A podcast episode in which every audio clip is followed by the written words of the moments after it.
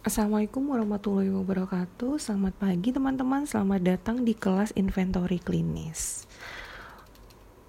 Oke. Sudah disiapkan PPT-nya? Baik, kita bisa mulai ya teman-teman. Next slide. Inventory klinis. Inventory klinis adalah instrumen asesmen yang mengungkap aspek klinis seperti permasalahan psikologis, aspek kepribadian normal, serta kepribadian patologis. Jadi dari alat ini kita bisa melihat banyak sekali masalah psikologis, permasalahan kepribadian yang normal ataupun yang patologis. Dapat digunakan sebagai instrumen screening ataupun penegakan diagnosa yang digunakan oleh psikolog atau psikiater. Iya, benar sekali. Jadi, adanya inventory klinis ini sangat membantu kita untuk melakukan screening. Misalkan ada klien-klien yang datang ke kita dengan keluhan depresi, kita bisa memberikan inventory klinis semacam BDI untuk melihat seberapa jauh sih depresi yang ia rasakan dan sebagainya. Biasanya merupakan instrumen self report iya. Jadi mereka diminta untuk mengisi sendiri. Biasanya pertanyaannya tuh kayak gini. Dalam Eh, uh, 30 hari terakhir apakah Anda merasakan perasaan-perasaan berikut? Satu, merasa sulit untuk melakukan apa pun yang biasanya Anda suka lakukan, misalkan seperti itu. Kemudian dia akan mengisi antara 1 sampai 5 atau mengisi poin-poin yang kosong nilainya dan sebagainya. Next slide. Nah, macam inventory klinis ada banyak banget ya teman-teman. Ada CAQ, BDI, BAI, DASS, DAS bisa kita bilang, MCMI dan juga MMPI. Next slide, kita akan mulai dari CAQ dulu.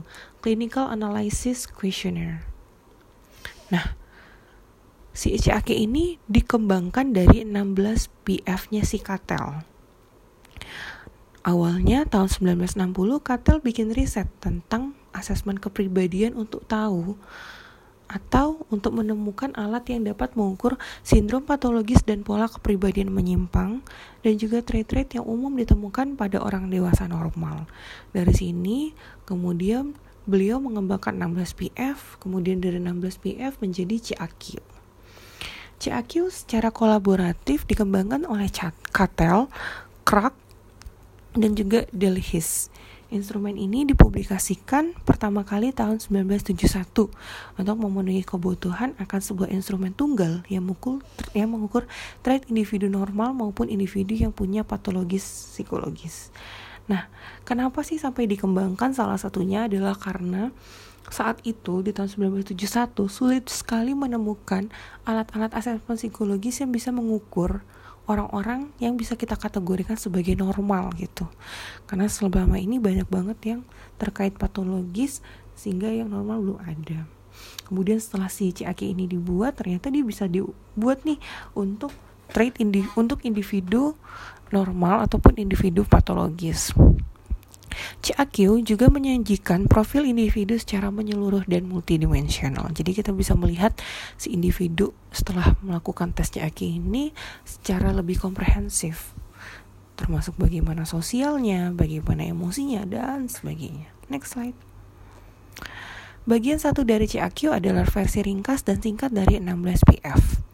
Nah, 16 PF ini yang ada di situ bertujuan untuk mengukur 16 faktor kepribadian sebagaimana 16 PF dengan item setengah dari form A16 PF. Jadi jumlah itemnya setengah dari apa yang ada di 16 PF. Bagian 2 dari CAQ mengukur 12 faktor dimensi klinis. Bagian ini didesain untuk mengukur berbagai dimensi dari psikologi, dari psikopatologi sebagaimana MMPI. Jadi ada tujuh skala mengukur berbagai manifestasi primer dari depresi dan ada lima skala untuk mengukur faktor analitik traits yang ada dalam item MBI. Nah, uh, ini CAQ itu merupakan faktor analytical drive inventory. Next slide. Validitas dan reliabilitasnya tidak diragukan lagi ya teman-teman. Skornya 0,51 sampai 0,74 bagian satunya 0,67 dan eh, sampai 0,90 di bagian 2 jadi secara reliabilitas ini sudah reliable. Kettle, Kettle Crock, dan Delhis berpendapat bahwa validitas konstruk dari CAQ dapat dibilang tinggi. Jadi ketika validitas dan reliabilitasnya sudah tinggi, maka alat ini relevan atau bisa untuk digunakan mengukur klien-klien dalam kondisi tertentu yang sudah ditentukan dari sananya. Next slide.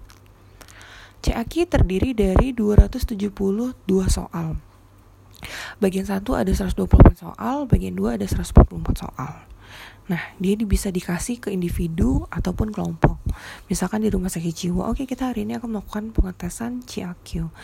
Saya akan membacakan satu instruksi dan teman-teman atau peserta diharapkan untuk mendengarkan saya dengan seksama. Terus disampaikan, mereka mulai bareng, nanti mereka selesai bareng gitu didesain untuk individu dengan umur 16 tahun ke atas, walau tidak menutup kemungkinan diberikan pada individu di bawah 16 tahun jika dinilai memungkinkan. Nah, dia termasuk ke power test. Power test itu apa sih? Power test itu adalah sebuah tes yang tidak memiliki batasan waktu, tapi mengharuskan subjek untuk menjawab semua item yang ada. Bedanya apa sih sama speed test? Kalau speed test itu biasanya item-itemnya mudah kemudian mereka diminta untuk mengerjakan secepat mungkin kalau si power test ini tidak. Jadi power test itu mereka harus mengisi semua pertanyaan biasanya agak-agak sulit seperti itu. Kemudian paper and pencil test. Nggak tahu sih kalau sekarang udah ada atau belum versi yang online-nya. Next slide. Instruksi. Dalam buku ini akan dijanjikan sejumlah pernyataan yang menggambarkan pikiran dan perasaan Anda. Pada tiap pernyataan, Anda diminta untuk memilih salah satu dari tiga jawaban yang disediakan. Tidak ada jawaban yang benar dan salah, karena setiap individu mempunyai pandangan yang berbeda-beda. Jawaban Anda adalah pilihan pribadi yang sesuai dengan keadaan Anda sendiri. Bacalah baik-baik tiap pernyataan, kemudian tentukan pilihan Anda. Jika Anda ragu-ragu, Anda harus tetap memilih. Dalam keadaan demikian, tentukan saja jawaban yang sekiranya paling dekat dengan pikiran atau perasaan Anda. Terus kita kasih contoh.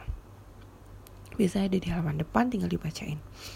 Anda tinggal memilih jawaban yang disediakan dengan cara menyilang kotak di bawah huruf jawaban yang sesuai pada lembar jawab. Jangan mencoret apa pun dalam buku ini.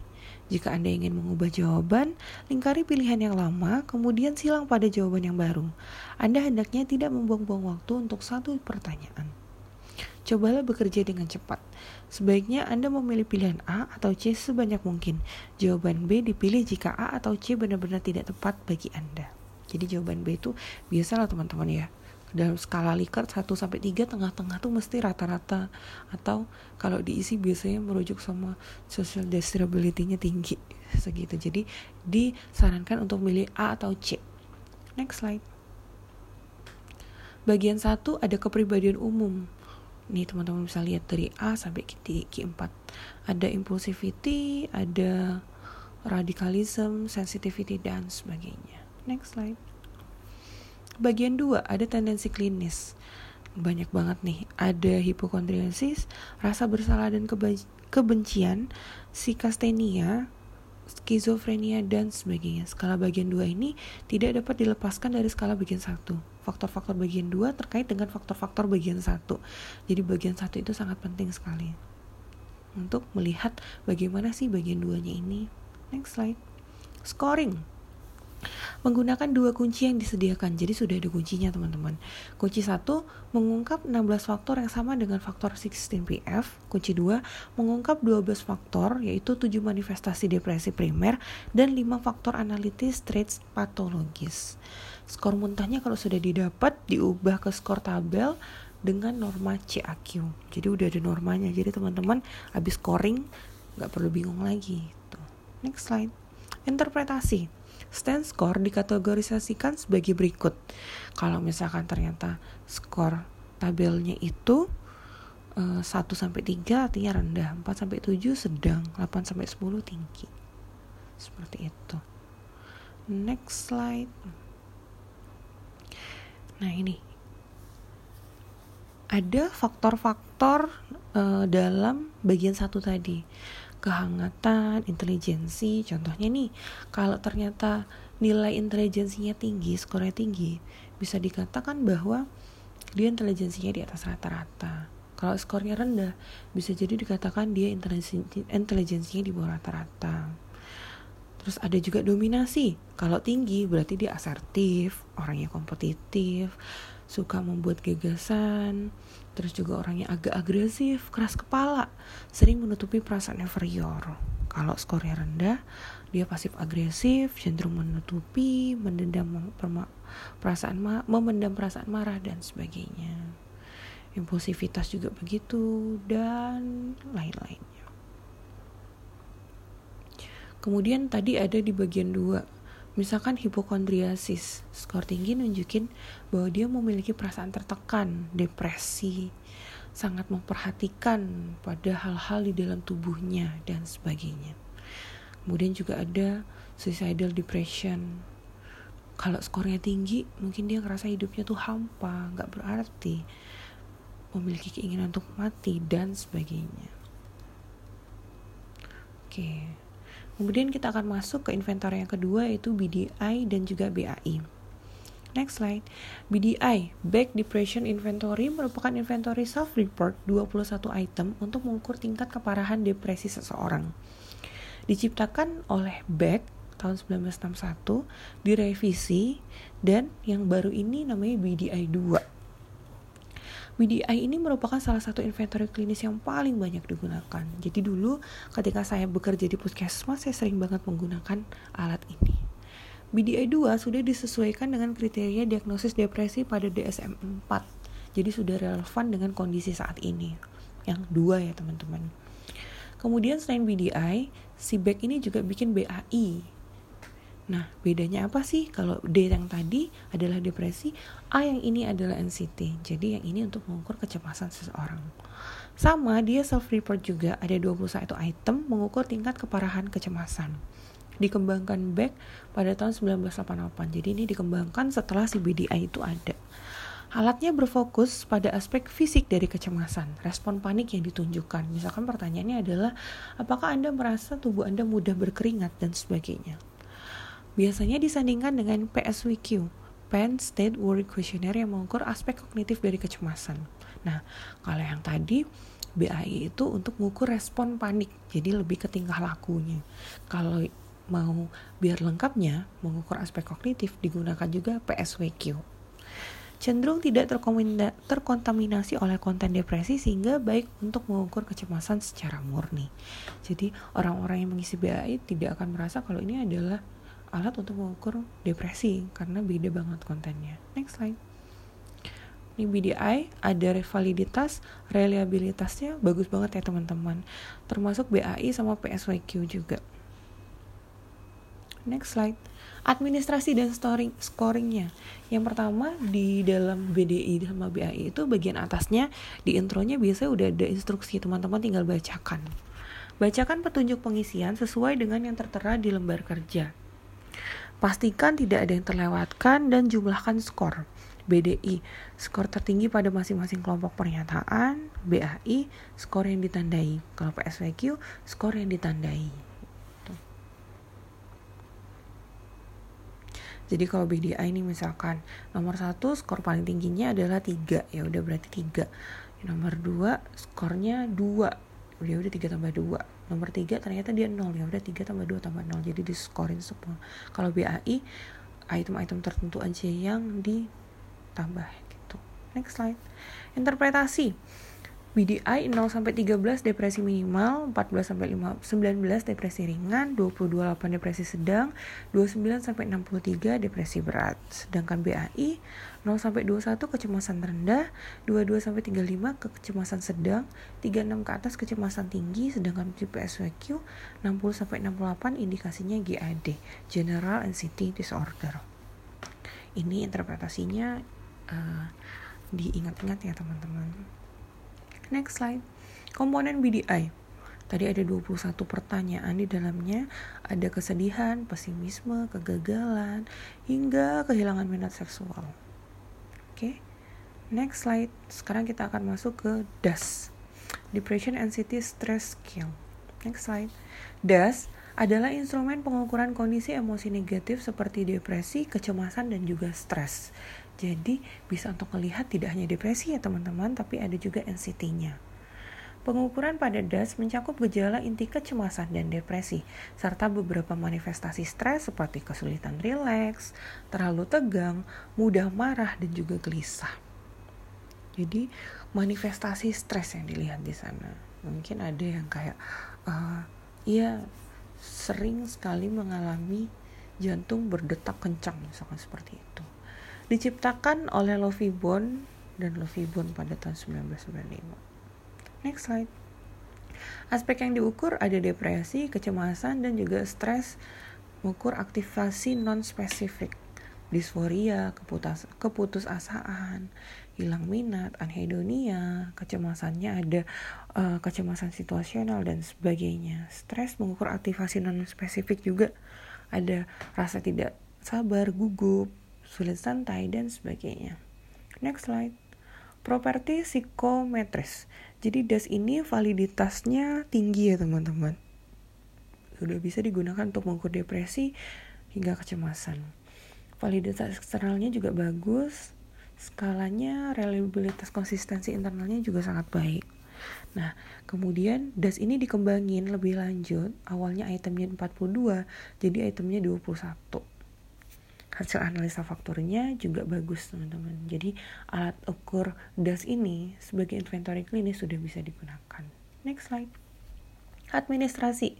Ada dua bentuk. Ada DAS yang 42 sama ada DAS yang 21 bacakan petunjuk pengisian sesuai dengan yang tertera di lembar kerja Kuesioner ini terdiri dari 42 atau 21 pernyataan yang mungkin sesuai dengan pengalaman saudara dalam menghadapi situasi hidup sehari-hari.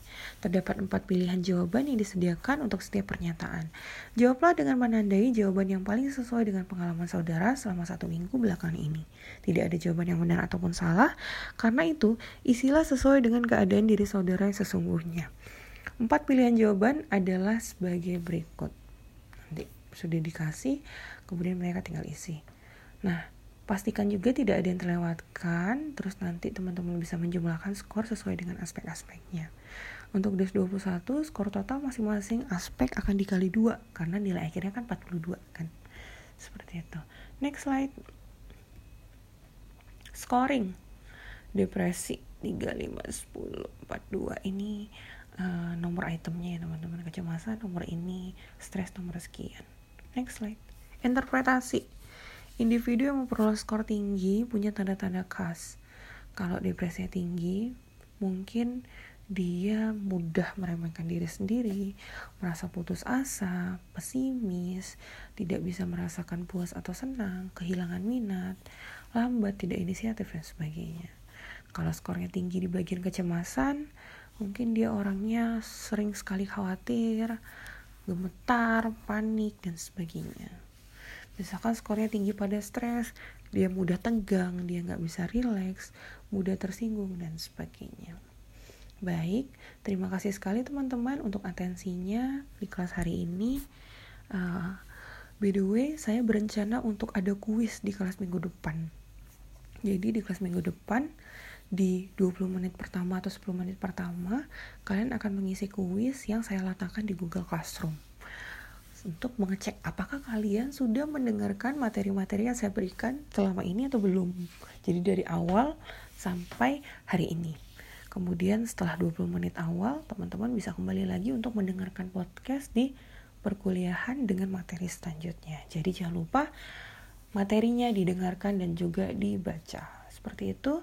Terima kasih banyak teman-teman. Selamat melanjutkan aktivitas. Wabillahi taufiq wal hidayah. Wassalamualaikum warahmatullahi wabarakatuh.